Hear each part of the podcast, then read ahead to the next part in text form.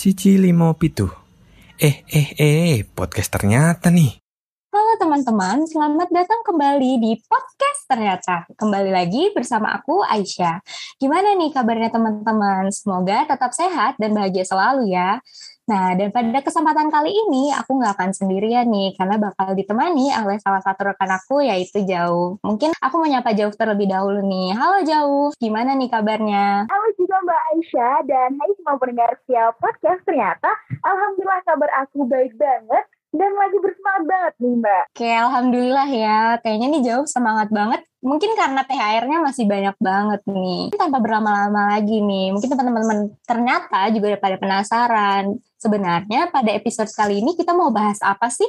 Pada episode kali ini ada podcast spesial Kelas Balik 14 tahun perjalanan Bisma bernostalgia bersama Prisma masa kuliah. Ya, bener banget nih, karena pada tanggal 26 Mei nanti merupakan hari ulang tahun Prisma dengan tema Diary Incredible Age, The Diary Experience to Reach a Great Day. Nah, oleh karena itu, ada podcast spesial kali ini yang akan membahas mengenai perjalanan Prisma selama 14 tahun ini. Tema podcast spesial ini bernostalgia bersama Prisma semasa kuliah, dikarenakan podcast spesial kali ini, tamu kita juga spesial banget nih, karena nggak cuma satu atau ataupun dua, tapi akan ada tiga tamu spesial sekaligus. Dan ketiganya berasal dari generasi yang berbeda-beda loh, mulai dari generasi awal, tengah, dan akhir. Yuhu, bener banget nih. Jadi tamu kita tuh spesial-spesial semua nih ya Mbak ya. Kayak martabak ya Mbak spesial.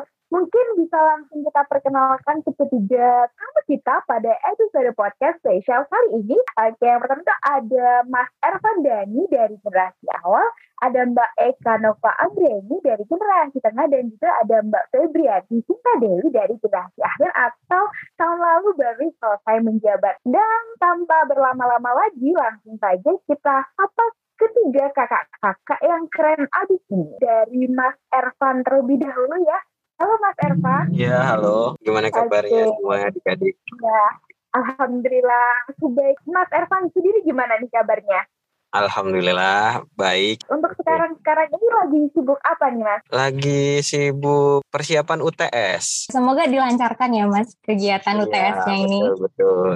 Iya, sama-sama. Oke, mungkin boleh nih beralih menyapa tamu kita yang selanjutnya nih. Ada Mbak Eka Nova Anggreni. Halo Mbak Eka, gimana nih kabarnya? Halo semuanya, Assalamualaikum. Ya, Waalaikumsalam Mbak. Gimana nih Mbak kabarnya? Lagi sibuk apa nih akhir-akhir ini? Alhamdulillah sehat ya. Kalau ditanya sibuk apa, sibuk kerja kali ya. Semoga pekerjaannya dapat dilancarkan selalu ya Mbak Eka. Iya, amin. Terima kasih. Semoga yang lain juga Ya. selalu dilancarkan apa pun aktivitasnya. Selanjutnya ada Mbak Sinta nih. Halo Mbak Sinta. Halo deh, halo Mas Ervan dan Mbak Eka.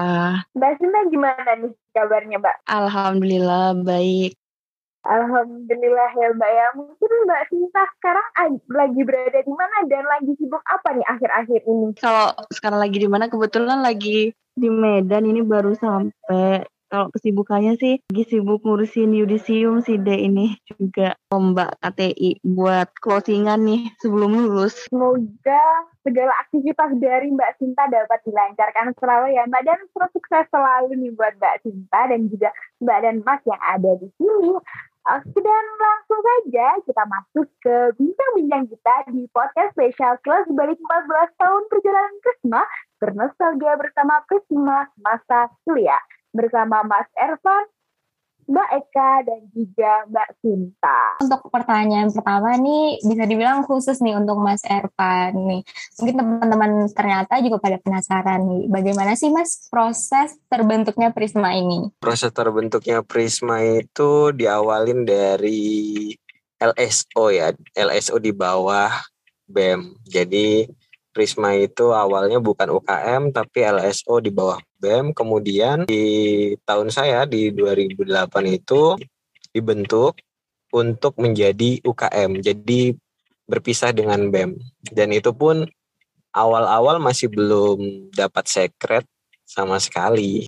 Akhirnya di situ kita berusaha bagaimana melegalkan Prisma dan mendapatkan suatu tempat yang layak lah untuk Prisma kayak gitu. Jadi mulai dari LSO yang masih di bawah naungan BEM, kemudian di tahun 2008 kemudian ada UKM, kemudian ada beberapa event-event gitu ya Mas ya. Oke lanjut nih Mas untuk pertanyaan dari Mas Ervan lagi adalah yang dialami saat awal terbentuknya Prisma itu sendiri seperti apa Mas? Ya, kalau kendala sih semua pembentukan organisasi pasti kendalanya adalah administrasi di awal sama intern dan ekstern ya. Jadi terkadang kita lihat eksklusif di di mata organisasi lain ya kayak gitu. Akhirnya penerimaan antar UKM gitu. Wah, ini ada organisasinya orang pinter-pinter nih gitu kan yang suka menang lomba kayak gitu. Jadi kadang mereka untuk bergabung dengan kita agak senggak kan kayak gitu. Kemudian selain itu juga untuk administrasi kita di awal itu berusaha untuk mendapatkan sekret itu ah, lewat jalur BEM, kemudian juga lewat jalur Wadek 3 kayak gitu. Di situ memang usahakan bagaimana Prisma memang bisa dapat yang layak seperti itu akhirnya dapat yang secret atas pojok itu kayak gitu. Jadi memang permasalahan saat awal terbentuknya itu mulai dari mengajak Maperta, kemudian juga eh, terkait administrasi untuk mendapatkan sekretnya. Eh, penasaran nih, kalau pada saat awal terbentuknya Prisma itu, apakah sudah terbentuk departemen seperti saat ini atau belum ya, Mas? Uh, sudah. Jadi pada saat terbentuknya UKM Prisma yang pelepasan dari LSO menjadi UKM itu langsung dibentuk departemen. Departemennya itu ada pengembangan anggota, kemudian ada lead bank, kemudian ada riset kayak gitu, kemudian ada LKTI. Tapi departemennya masih sederhana sih karena pengurusnya itu sekitar 20 orang kalau nggak salah itu waktu itu. Berarti untuk departemennya sendiri sudah terstruktur ya Mas ya. Untuk Mas Ervan sendiri join di departemen apa nih? Saya dulu di dua departemen. Jadi ketua departemen riset, kemudian menjabat lagi menjadi ketua departemen kompetisi. Memang di awal uh, Prisma terbentuknya UKM langsung punya acara besar. Jadi itu yang menjadi apa ya kayak dorongan kami agar Prisma ini punya tempat yang layak, kemudian bisa establish dan seterusnya seperti itu. Wah, keren banget nih dari Mas Ervan sendiri langsung bisa double di dua departemen ya Mas ya? Iya, di dua departemen. Jadi departemen awal, departemen riset itu uh, mengacara LKTI SMA sejawa Bali, sejawa Bali waktu itu. Pertama kali event terbesar di terbentuknya Prisma di awal. Waduh, keren banget nih ya dari Mas Ervan. Selanjutnya nih, untuk dari Mbak Eka Nova sendiri, dulu dari departemen apa nih Mbak? Kalau aku dulu dari Departemen Kepenulisan Ilmiah nih, jadi dari awal daftar staf magang itu udah Departemen KI. Dulu kalau masih inget banget, ketua departemennya itu Mas Adin. Uh, kalau boleh tahu nih Mbak, dulu kenapa nih kok bisa tertarik ke Departemen KI gitu? Jadi waktu awal jadi mahasiswa baru itu memang cukup tertarik ya dengan salah satu UKM gitu ya itu Prisma. Karena memang background Prisma sendiri menurut saya itu punya daya tarik tersendiri ya di mata mahasiswa gitu karena pengurus-pengurusnya memang sangat berprestasi dan karya-karyanya itu luar biasa. Waktu itu ada PKM kalau nggak salah ya ada PKM Maba dan ternyata yang membidangi PKM Maba itu kan Departemen Kepenulisan Ilmiah. Akhirnya uh, saya coba daftar di departemen tersebut karena tertarik aja gitu. Siapa tahu nanti di sana ketemu banyak teman-teman pengurus ataupun staf-staf yang lain sehingga saya bisa banyak belajar. Waktu itu itu sih. Wah keren banget nih ternyata uh, sejak awal tertarik buat putih PKM tersebut. Nah kemudian nih kali nih ke Mbak Sinta, pengen tahu nih dulu itu gabung di departemen apa dan kalau boleh tahu juga nih kenapa memilih departemen itu? Oke, baik. Jadi kalau aku sih waktu staff magang itu pilihnya di departemen kompetisi. Kemudian saat pengurus berubah jadi departemen penulisan ilmiah. Nah, alasanku itu pertama gabung Prisma itu kenapa milih kompetisi? Soalnya dari awal gabung Prisma itu emang niatnya untuk berkompetisi. Nah kebetulan ada departemen ini namanya departemen kompetisi. Jadi bayanganku aku daftar departemen kompetisi, eh, aku tuh bisa mengetahui event-event atau kompetisi ilmiah ya khususnya lebih up to date gitu dibandingkan departemen lainnya. Harapanku seperti itu dulu. Nah kemudian ternyata saat aku masuk Prisma ternyata tidak hanya departemen kompetisi saja gitu yang up to date gitu terkait kompetisi ilmiah gitu. Akhirnya aku uh, saat daftar pengurus mencoba nih di departemen lain yang di mana departemen ini ternyata uh, terkenal gitu di Prisma terkenal sibuknya yaitu departemen penulisan ilmiah. Akhirnya aku di pengurus cobalah di departemen KI ini gitu. Ternyata juga tidak kalah serunya seperti departemen kompetisi. Lebih kayak gitu sih. Oke, itu jadi dari Mbak Sinta pada awalnya itu dari departemen kompetisi, kemudian di departemen KI ya Mbak ya, tapi sama-sama seru. Benar begitu Mbak Sinta? Iya, kurang lebih kayak gitu. Dari Mbak Sinta sendiri nih, waktu saat menjabat anggota Prisma sendiri tuh ada berapa banyak sih Mbak? Oke, kalau anggota ya waktu aku kemarin ngejabat jadi ketum kurang lebih tuh ada seratusan ya anggota baru yang daftar di kepengurusanku. Kepengurusanku terhitung dari aku, kadep, kemudian pengurus dan juga staf magang itu sekitar ada 54 ya totalnya.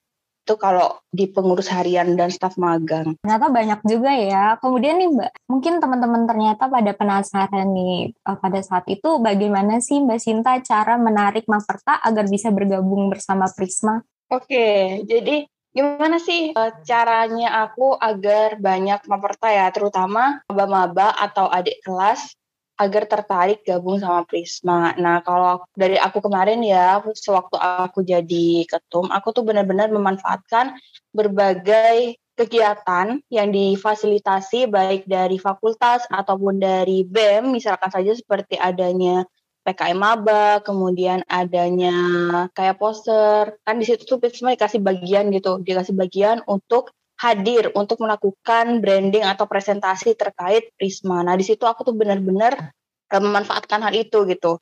Jadi yang pertama aku tuh pasti milih skripnya itu ada salah satunya ada kayak sedikit marketingnya gitu marketing terkait Prisma. Misalkan saja dari keunggulan-keunggulan Prismanya atau dari prestasi-prestasi Prismanya dan sebagainya gitu. Jadi di situ tuh benar-benar saat akan ada yang melakukan presentasi di event-event yang difasilitasi difasilitasi untuk Prisma tersebut aku tuh benar-benar ngeliat gitu skrip yang akan disampaikan seperti apa gitu. Sehingga nantinya dari uh, sasaran kayak dari maba ataupun mahasiswa pertanian itu kayak langsung dapat gitu oh ternyata Prisma ini punya keunggulan yang lebih gitu dibandingkan dari organisasi lainnya. Itu yang pertama. Kemudian yang kedua tentunya uh, untuk branding Prisma sendiri dilihat juga dari sosmed dari Prisma gitu. Jadi di mana kemarin itu di situ aku coba memperluas untuk kabar prestasi tentunya itu tidak hanya dari internal Prisma saja, tapi kami mencoba menjangkau dari Maperta gitu, Maperta dan juga anggota gitu, sehingga kami di sini biasanya menunggu dari mereka untuk lapor prestasi. Nah di sini kami mencoba untuk menanyakan gitu, memberikan fasilitas kepada mereka, sehingga dari Maperta dan juga anggota itu merasa mereka itu uh, kayak dianggap gitu di Prisma, sehingga saat mereka berprestasi atau seperti apa itu lebih diekspos gitu. Nah itu salah satu cara untuk kita menggait mereka gitu.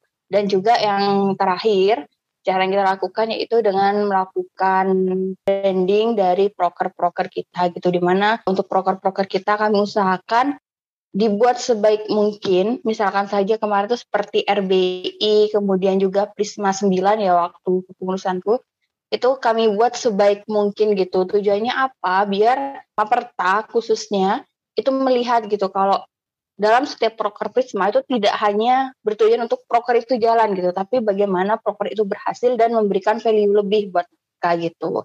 Nah dan itu bisa dilihat misalkan dari after movie yang kami buat dan juga cakupan peserta atau sasaran yang kami tujukan gitu dari pelaksanaan proker tersebut gitu. Sehingga dari pemerintah itu tahu gitu oh ternyata Prisma itu dalam melaksanakan proker itu tidak serta oh ini harus selesai gitu tapi harus memperhatikan dari berbagai aspek gitu. Sehingga dapat dari situ kita ketahui bahwa Prisma itu merupakan salah satu organisasi yang sangat mementingkan gitu kualitas. Eh, bisa saya simpulkan bahwasanya lebih kepada memaksimalkan segala kegiatan yang ada di universitas untuk melakukan branding ya Mbak Cinta ya.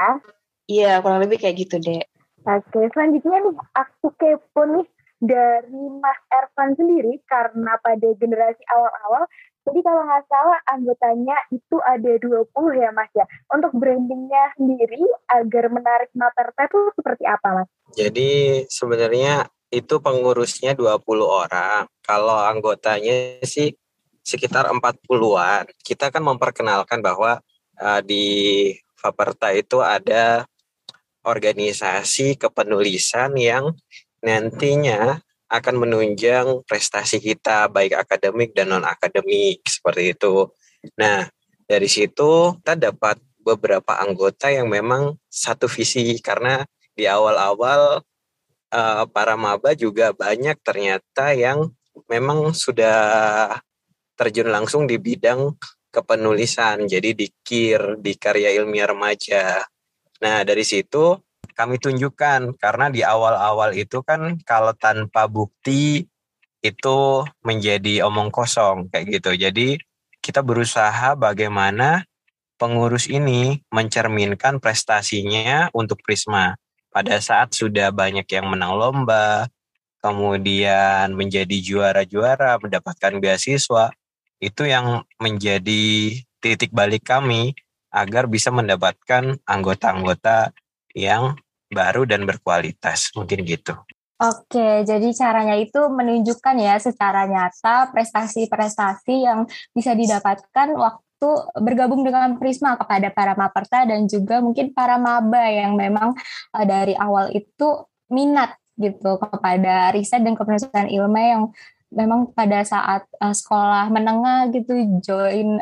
Nah, kemudian nih uh, kalau Mbak Eka bagaimana nih Mbak? Uh, pada waktu menjabat waktu itu kira-kira anggotanya ada berapa dan uh, seperti apa sih cara branding kepada Maperta agar bergabung bersama Prisma pada saat itu? Kalau jumlah anggotanya sendiri sih lupa ya berapa, cuman hampir sama mungkin sekitar 80 sampai 100-an mungkin. Kalau pengurusnya sendiri itu sekitar 50-an orang cara untuk menarik minat Maperta sebenarnya tidak berbeda jauh ya dengan cerita dari Mas Ervan dan juga Sinta tadi. Bahkan saya ketika menyimak cerita tadi rasanya tuh bangga gitu. Semakin ke sini Prisma itu ternyata semakin berkembang dan semakin keren istilahnya.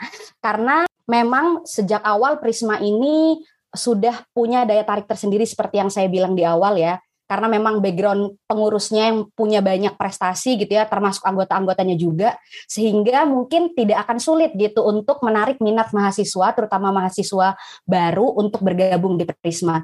Karena dari prestasi-prestasi yang disampaikan atau diceritakan gitu ya lewat event-event tertentu yang diadakan oleh fakultas maupun LKM-LKM lain mahasiswa bisa lebih uh, mengenal dan tertarik serta termotivasi untuk akhirnya bergabung uh, karena memang sudah terinspirasi dari awal gitu dengan prestasi-prestasi yang dimiliki Prisma. Kurang lebih seperti itu sih. Jadi nggak nggak ada nggak terlalu beda jauh dengan yang lain.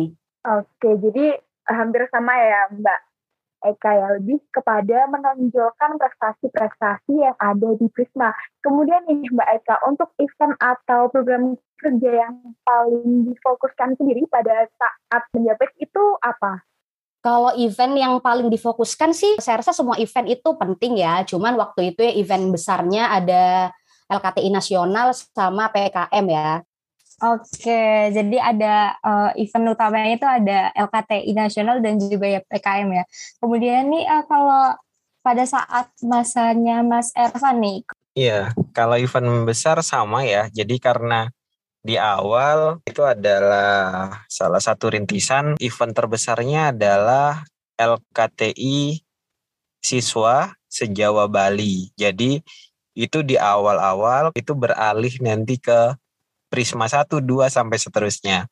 Jadi uh, cikal bakal dari Prisma 1 dan seterusnya itu adalah LKTI. Jadi mulai dari LKTI siswa, LKTI mahasiswa, kemudian LKTI nasional dari dari Jawa Bali ke nasional itu merupakan event terbesar di Prisma dan itu di diadakan tiap tahun. Kemudian yang kedua sama itu adalah PKM Maba karena PKM Maba di sini adalah bagaimana kita bisa mentransfer knowledge yang kita punya kemudian soft skill, hard skill kita agar uh, adik tingkat itu juga bisa berprestasi sama seperti kita kayak gitu.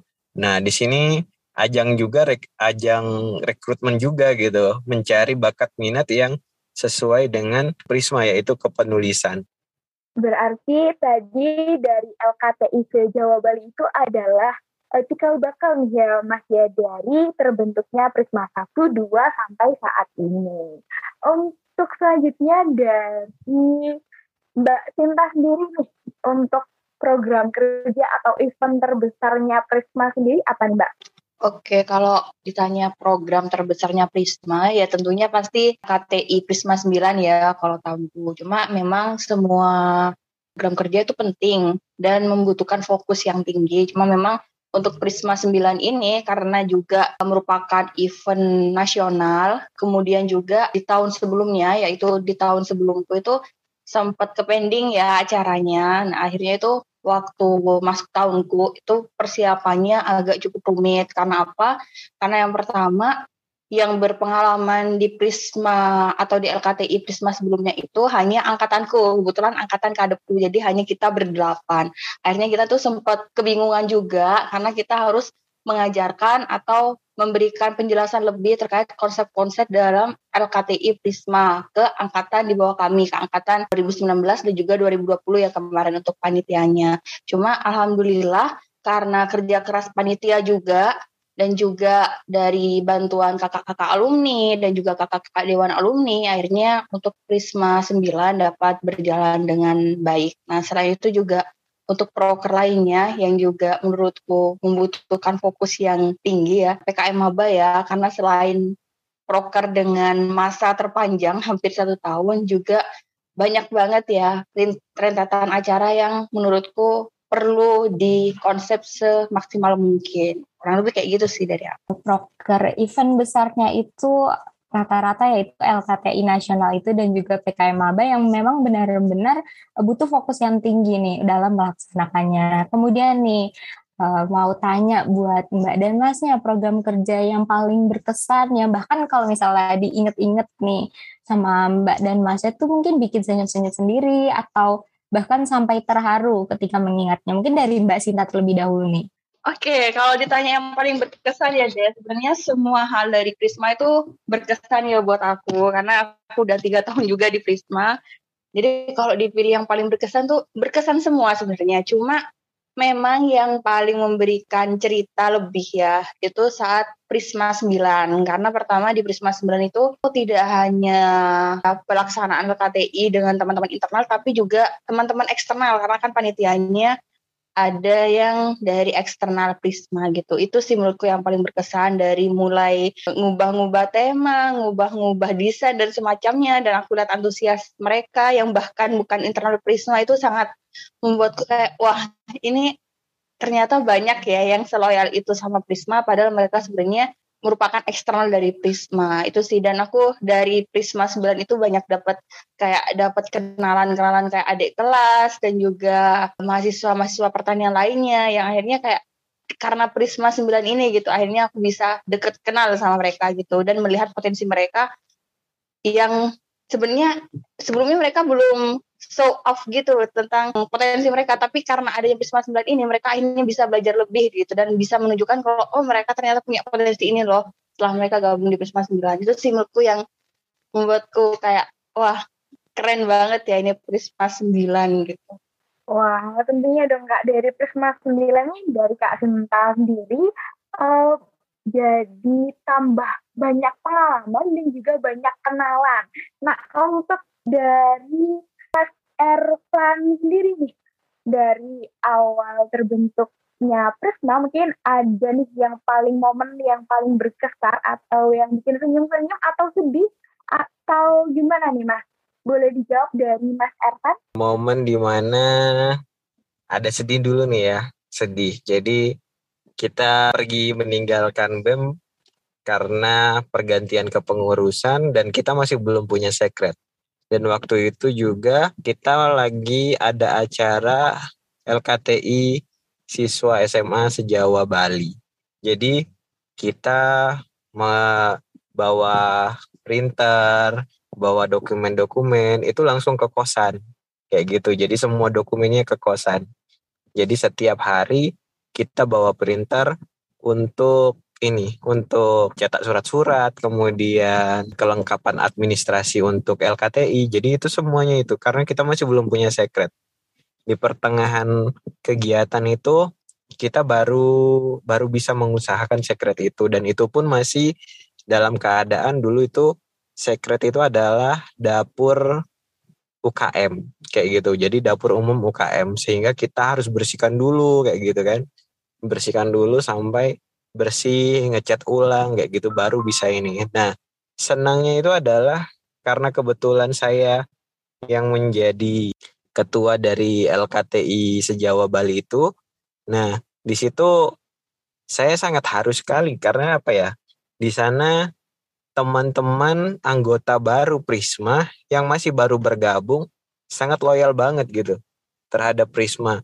Mereka mau mengantarkan uh, ke pos. Kalau dulu kan untuk sosial media nggak begitu booming ya.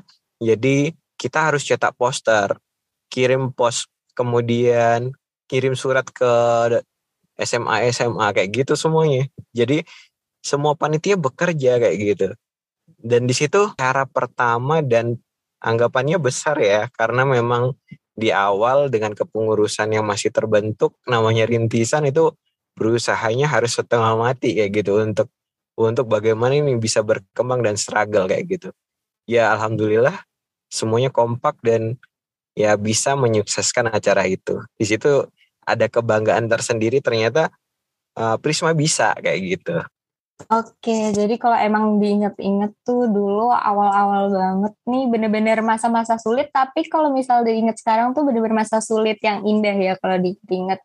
Mulai dari perjuangan-perjuangan yang dilakukan oleh para pendahulu ini kayaknya oh, kalau teman-teman ternyata tahu itu bikin terharu banget. Nah kemudian nih kalau Mbak Eka nih apa mungkin proker ataupun momen-momen yang kalau misalnya diinget tuh bisa bikin senyum ataupun terharu nih kayak Mas eh, Ervan tadi. Kalau saya waktu itu proker yang menurut saya paling berkesan PKM Maba sih. Karena PKM ini agak susah waktu itu mengumpulkan teman-teman pengurus. Jadinya kayak ada sedihnya, ada susahnya sampai nangis-nangis waktu itu. Tapi seru karena ini kan panjang ya kegiatan acaranya itu banyak gitu. Serunya juga kita selain jadi uh, panitia acara waktu itu kan sekaligus jadi SPV gitu, supervisor bagi tim-tim atau kelompok-kelompok PKM mahasiswa baru. Jadi di situ itu perjuangannya luar biasa ya gimana caranya eh, mengajari adik-adik mahasiswa untuk bisa menghasilkan ide-ide yang kreatif untuk kemudian dilombakan di PKM Maba sampai ke Rektor Cup. Dan yang serunya itu yang paling saya ingat itu ketika udah mau Rektor Cup itu biasanya kita latihan sampai jam satu pagi, jam 2 pagi itu di lobby gedung sentral kita bikin produk sama latihan presentasi itu kita sampai bertengkar nangis. Tapi akhirnya ketika final ketika menang gitu ya itu benar-benar terbayar. Jadi seneng banget ketika ada yang gagal pun kita nangis bareng. Jadi memang momen-momen PKM Maba itu mengajarkan mental kita itu mental juara. Itu sih yang akhirnya membuat banyak mahasiswa yang tadinya mungkin gak tertarik ikut Prisma ketika sudah join PKM Maba bahkan sampai Rektor Cup akhirnya memutuskan untuk uh, gabung di Prisma karena memang eh, PKM Maba itu sudah seperti apa ya keluarga tersendiri gitu loh di luar Prisma yang akhirnya jadi bagian besar Prisma. Oke, berarti dari PKM Maba itu sendiri menurut Kak Eka Nova memiliki perjuangan yang sangat sangat mendalam ya kak ya harus berjuang banget nih untuk mencapai uh, eh, PKM Maba itu sendiri. Selanjutnya nih Kak, untuk Mas Ervan terlebih dahulu nih, misal kembali pada waktu masa jabatan yang dulu nih, apa sih yang Mas Ervan perlu perbaiki dari Prisma itu sendiri? Iya, kalau untuk memperbaiki, karena ini kalau kembali ya, kalau flashback, ya mungkin kalau melihat dibandingkan dengan sekarang, prestasi zaman dulu adalah prestasi nasional Nah, sedangkan sekarang itu udah prestasi internasional sehingga di situ ada rasa bagaimana ya kalau misalkan dulu kita awalin itu dengan prestasi-prestasi nasional dan internasional juga kayak gitu. Tapi namanya semua inisiasi kemudian pembentukan awal ya namanya perjuangan itu pun uh, kita harus memang bisa merintis dari bawah kayak gitu. Nah, sekarang kalau sudah lihat lihat adik-adik udah berprestasi internasional, itu ya ada kebanggaan tersendiri.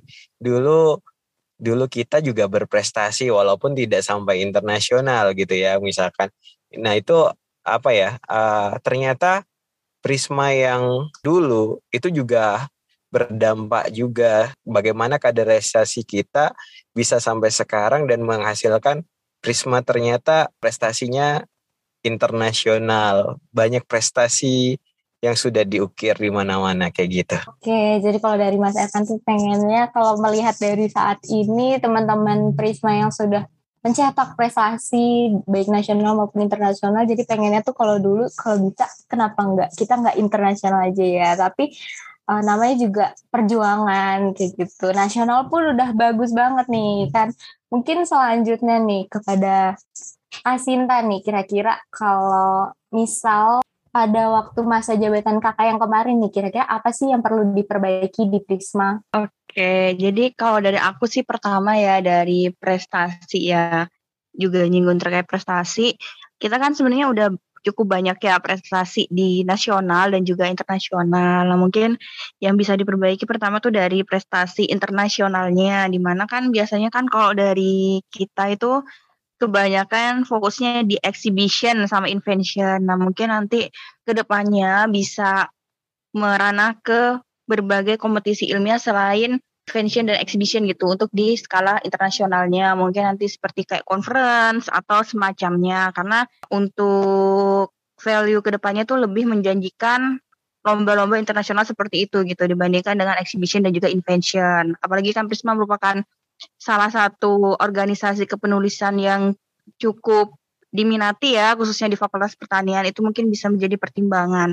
Kemudian yang kedua kemarin itu menurutku yang kurang dari kepengurusanku itu karena kita online juga ya kemarin ya kebanyakan kita proker online itu kebersamaannya ya kayaknya masih kurang gitu sih kalau aku ngerasa. Nah itu mungkin nanti kalau misalkan di tahun ini dan juga tahun selanjutnya masih online. Nah, itu tuh mungkin ada kebijakan baru dari pengurus selanjutnya agar kebersamaan itu tuh masih terus terpupuk ya meskipun itu masih pandemi atau masih berbasis online. Kayak gitu sih, Dada. Oke, jadi kalau dari Mbak Sinta ini selain prestasi juga tadi uh, inginnya diperbaiki adalah kebersamaannya. Mungkin kalau misalnya masih online pun diusahakan nih kebersamaannya tetap terjaga. Jangan sampai mungkin kalau misalnya online uh, satu sama lain antar departemen mungkin teman-teman Prisma kurang mengenal. Jadi kalau bisa ada kebijakan baru yang membuat tuh teman-teman Prisma menjadi lebih erat lagi antara satu sama lain ya. Oke, selanjutnya nih, mungkin kepada Mbak Eka nih, apabila kembali pada waktu masa jabatannya waktu itu, apa sih yang perlu diperbaiki dari Prisma? Kalau misalkan di zaman saya ya, ketika melihat Prisma yang sekarang gitu ya mulai dari tahun 2020-an atau 2021 kemarin sampai yang 2022 sekarang gitu ya. Saya bangga karena branding media sosial Prisma tuh makin ke sini makin keren gitu. Zaman saya sebenarnya udah punya banyak banget ide gitu ya mulai dari gimana caranya membranding Prisma di uh, lewat Instagram, kemudian lewat YouTube atau TikTok kalau zaman sekarang ya dan Spotify gitu ya bikin podcast kayak gini itu udah ada idenya dari zaman dulu. Cuman mungkin dari segi SDM waktu itu kita belum mumpuni gitu. Jadi gak susah. Seperti misal desain grafis aja bikin-bikin poster itu udah bisa. Cuman mungkin kemampuannya tuh udah makin meningkat gitu sekarang. Jadi kalau misalkan suruh balik zaman dulu dan disuruh memperbaiki mungkin branding media sosial yang harusnya bisa lebih keren dari itu sih. Oke berarti lebih kepada meningkatkan SDM-nya dan juga uh, ingin merealisasikan proker-proker yang cuma ide aja nih ya Mbak ya. Iya betul banget. Uh, udah terwujud ya oleh teman-teman pengurus selanjut selanjutnya gitu. Sekarang kan ada podcast ternyata ini keren banget sih ini. Salut sama teman-teman pengurus yang menginisiasi podcast ini. Alhamdulillah banget nih ya Mbak ya. Untuk selanjutnya nih Mbak, untuk dari proses perjalanan Prisma selama 14 tahun ini kan tentu memiliki pasang surut sampai akhirnya dapat mencapai keberhasilan sampai saat ini. Kemudian apa sih pengaruh yang Mbak dan Mas rasakan saat sebelum dan sesudah menjadi bagian dari Prisma? Mungkin bisa dari Mbak Sinta terlebih dahulu. Oke, tentunya eh, sangat memberikan pengaruh ya, Dek. Karena FYI aja sebelum aku gabung Prisma itu aku tuh orangnya cenderung kayak kurang bisa bersosialisasi itu pertama. Kemudian yang kedua, untuk presentasi itu kayak nggak jago-jago banget. Bahkan untuk ngobrol atau bicara sama orang itu masih kayak malu gitu. Apalagi ngisi podcast kayak gini tuh kayak wah itu kayak nggak mungkin banget gitu buat aku yang dulu. Tapi sejak join di Prisma karena adanya bantuan juga dari kakak-kakak apalagi terkait presentasi terutama dan juga public speaking alhamdulillah memberikan wawasan baru tuh ke aku kayak pertama caranya presentasi yang bagus gimana, cara mendapatkan atau punya skill public speaking yang bagus gimana. Kemudian cara untuk menyampaikan suatu gagasan itu gimana. Nah, itu kayak bener-bener sama kakak-kakak di Prisma itu kayak dilatih gitu sehingga bisa e, membentuk aku yang saat ini gitu. Bahkan kemarin sempat dipercaya juga menjadi ketua umum itu juga uh, memberikan aku kayak pengalaman lebih gitu. Yang mana menurutku itu tidak akan didapatkan kalau aku tidak join di Prisma. Kurang lebih kayak gitu sih. Oke, jadi Prisma ini benar-benar berpengaruh banget ya buat Mbak Cinta. Mungkin kalau selanjutnya nih, kalau untuk Mas Ervan, kalau yang dirasakan pengaruhnya sih banyak sih. Dimulai dari skripsi, tanpa revisi, kemudian ini dapat beasiswa untuk S2, kemudian kalau pas waktu saat ini ya, di dosen ini juga kerjaan saya kan di dosen itu pun juga berkutat dengan kepenulisan. Bagaimana kita menyusun proposal penelitian kemudian pengabdian masyarakat sehingga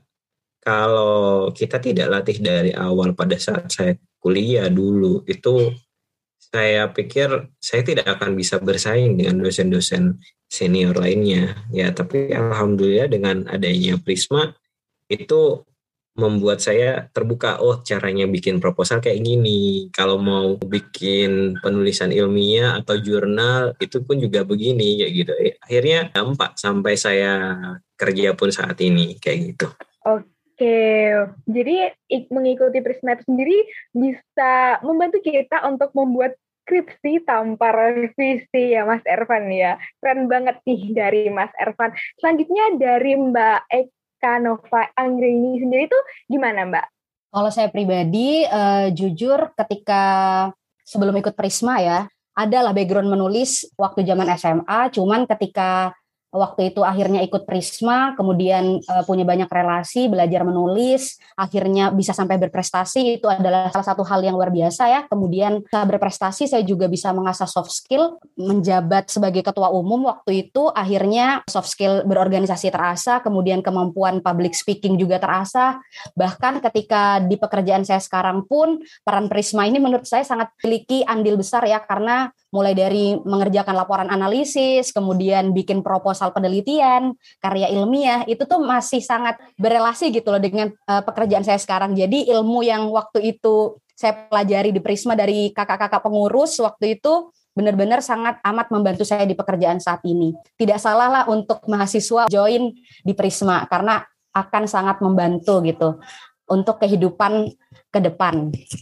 Berarti sangat berpengaruh sekali untuk teman-teman podcast ternyata nih yang bergabung di Prisma sangat berpengaruh dengan diri kita menjadi lebih baik lagi ke depannya.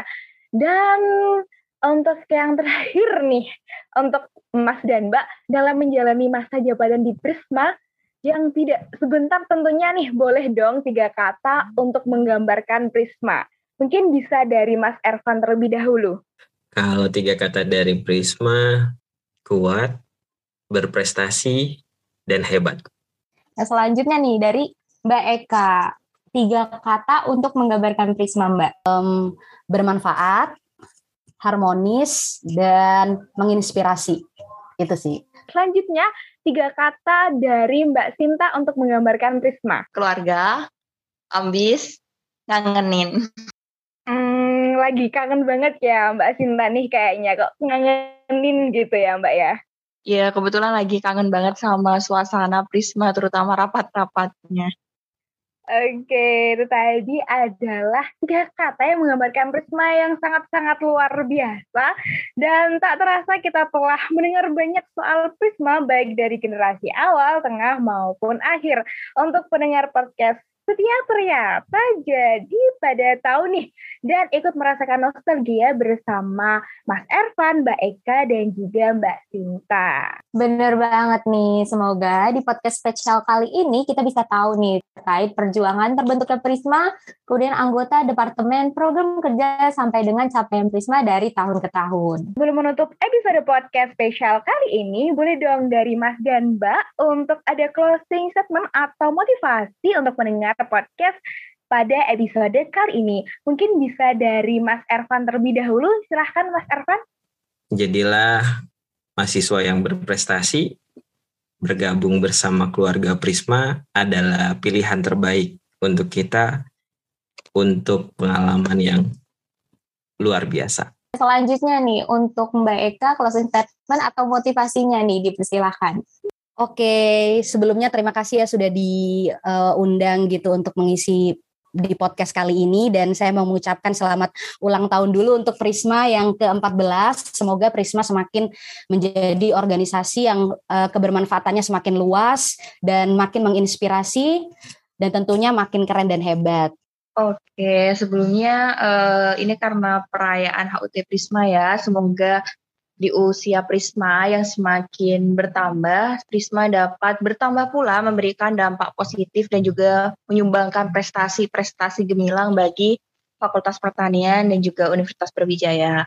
Dan untuk teman-teman Prisma yang saat ini sedang tugas untuk mengurus Prisma dalam satu tahun periode, semoga diberikan kesehatan selalu, diberikan semangat selalu dan diberikan kesulitan selalu dan juga untuk teman-teman yang belum join Prisma jangan ragu-ragu ya untuk join karena Prisma ini merupakan salah satu organisasi yang menurutku itu memberikan impact yang besar tidak hanya bagi hidup kita tapi bagi kehidupan sosial di sekitar kita dan yakinlah bahwa join Prisma be the best. Sekali lagi terima kasih nih untuk Mas dan Mbaknya yang telah memberikan closing statement dan juga motivasi yang sangat menarik lagi. Oke, karena bincang-bincang seru kita sudah usai dan juga Mas dan Mbaknya telah memberikan closing statement dan uh, motivasi yang sangat menarik banget tadi ya. Dan tak lupa kita mengucapkan terima kasih banyak untuk Mas dan Mbaknya yang telah menyempatkan waktunya menjadi bintang tamu pada episode podcast spesial kali ini